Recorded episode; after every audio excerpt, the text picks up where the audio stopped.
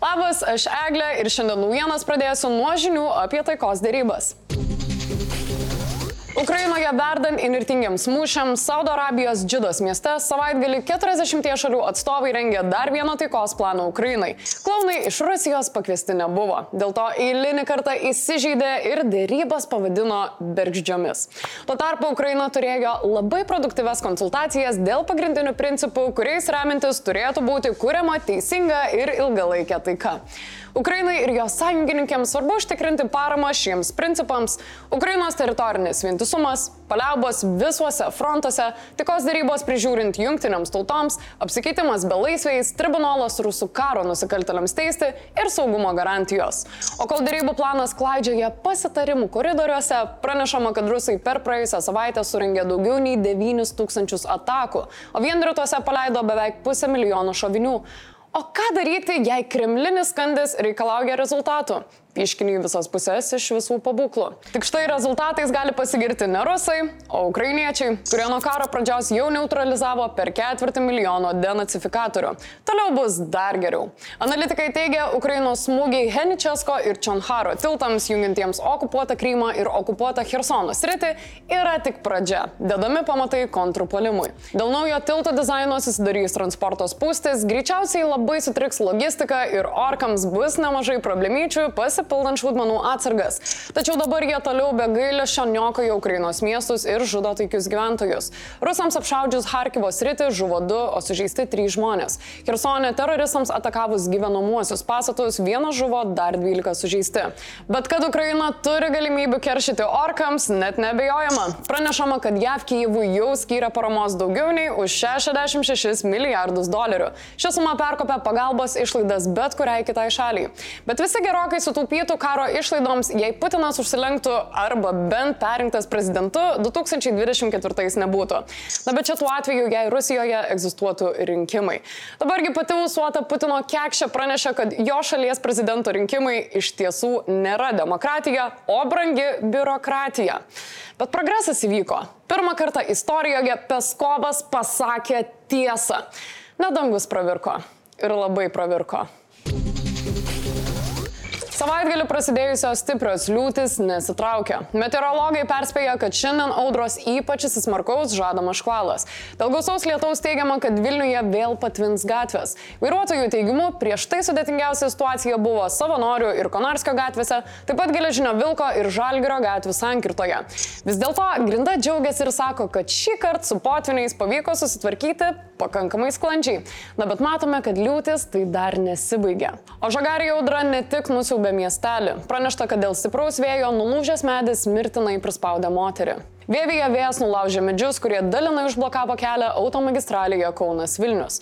Joniškio gyventojai pasakoja, kad išlaužyti medžiai ir konteinerių turiniai miestą pavertė šiukšlynu. Nuo širvintose, ai patys matot. Dėl lietaus kenčia ne tik vairuotojai, bet ir pilotai. Vilniuje ir Kūne negalėjo nusileisti du lėktuvai, bet oro uostai jau dirba įprasta tvarka.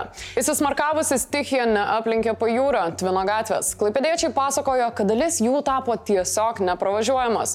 Matyt dėl to, kad sulaukė daug piktų žodžių. Klaipėdos meras susitiko su Klaipėdos vanduo atstovais. Jis teigia, kad būtina parengti planą, kuris padėtų ateityje kovoti su tokiomis liūtimis.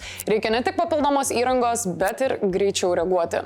Prie viso to elektros neturi 14 tūkstančių vartotojų. Daugiausia gedimų užfiksuota Šiaulių regione, Akmenės Joniškio Radviliškio rajonuose, taip pat Panevežio, Kedainių ir Vilkaviškio regionuose. Bet tarp lietingų dienų užfiksuota karščiausia naktis per visą stebėjimų istoriją. Molėtuose aukščiausios minimalios nakties temperatūros rekordas 25,1 laipsnio šilumos. Molėtai mušė vieną rekordą, Kibartai fiksavo stikinį lietų. Per 8 valandas prilyjo 61 mm. Vėjas čia dar siekia net 15-20 m per sekundę. Audra išvartė medžius, nutraukė elektros laidus, apgadino automobilius, o kaip teigia pats miesto seniūnas, nakties nuostolius teks skaičiuoti dar ilgai. Tai žiūrovai pasipasakokit, kas šią naktį neužmigo dėl karščio, o kas dėl lietaus ir vėjo. Ir kokią dabar stichiją matot už lango. Dalinkitės komentaruose. Generalinė prokuratūra pradėjo iki teisminį tyrimą dėl krašto apsaugos ministro Arvido Nušausko Facebook'e paskelbtos informacijos apie ketinimą įsigyti vokiškų tankų Leopard po valstybės gynimo tarybos posėdžio. Prokuratūra sako, kad tikslas - susirinkti daugiau informacijos po to, kai Seimo narė Agne Širinskinė parašė pareiškimą. Tyrimą pavesta atlikti organizuotų nusikaltimų ir korupcijos tyrimo departamentui. Anušauskas iškart sureagavo, tiesa bus jo pusėje. Tačiau pridūrė, kad prokuratūros laukia sunki užduotis - tyrimą atlikti politinio spaudimo sąlygomis.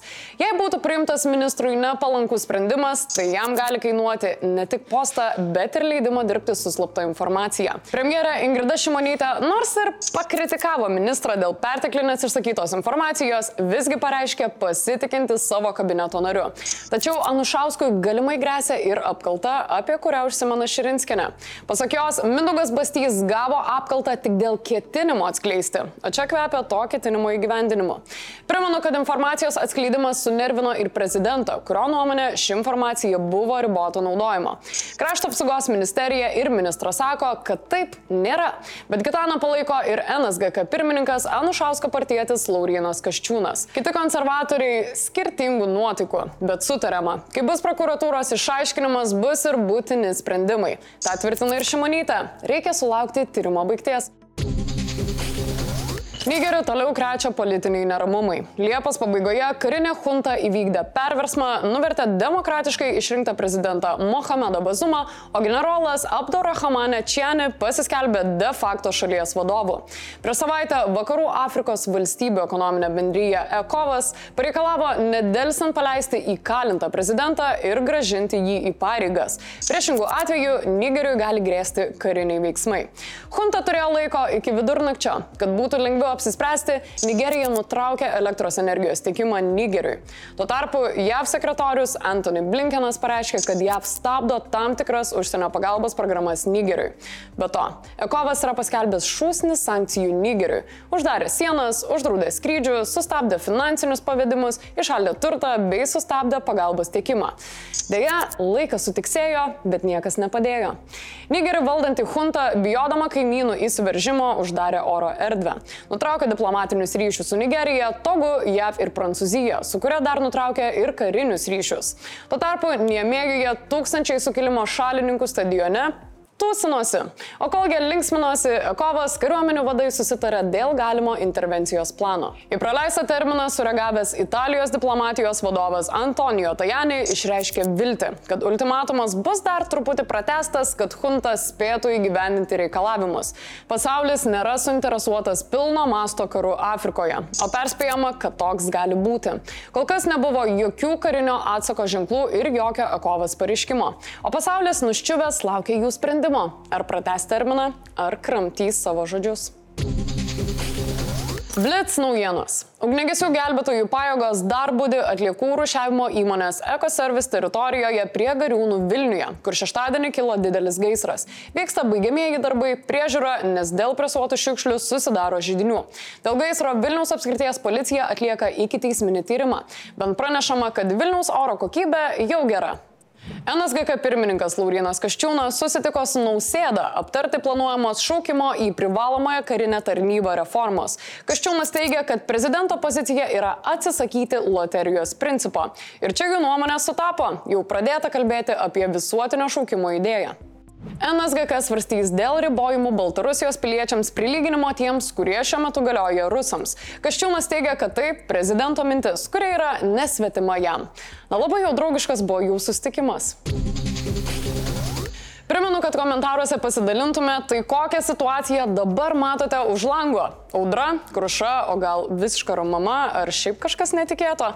Bet žinokit, audra ne audra, gi vis tiek vasara. Padėkite telefoną ir jei negalit mėgautis vakarų prie žiūriuko, tai mėgaukitės vieni kitais.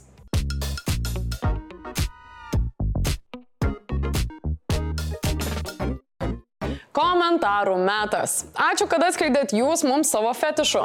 Va, Vereli Veritas valio išdavė, kad jo suprast moterų signalus laiku, o ne po dešimties metų. Geras koks sutapimas. Mūsų moterų fetišas yra siūsti kuo abstraktesnius signalus ir po to stebėtis, kad vyrai nesupranta. Kokia vis tik ta gamta nuostabi.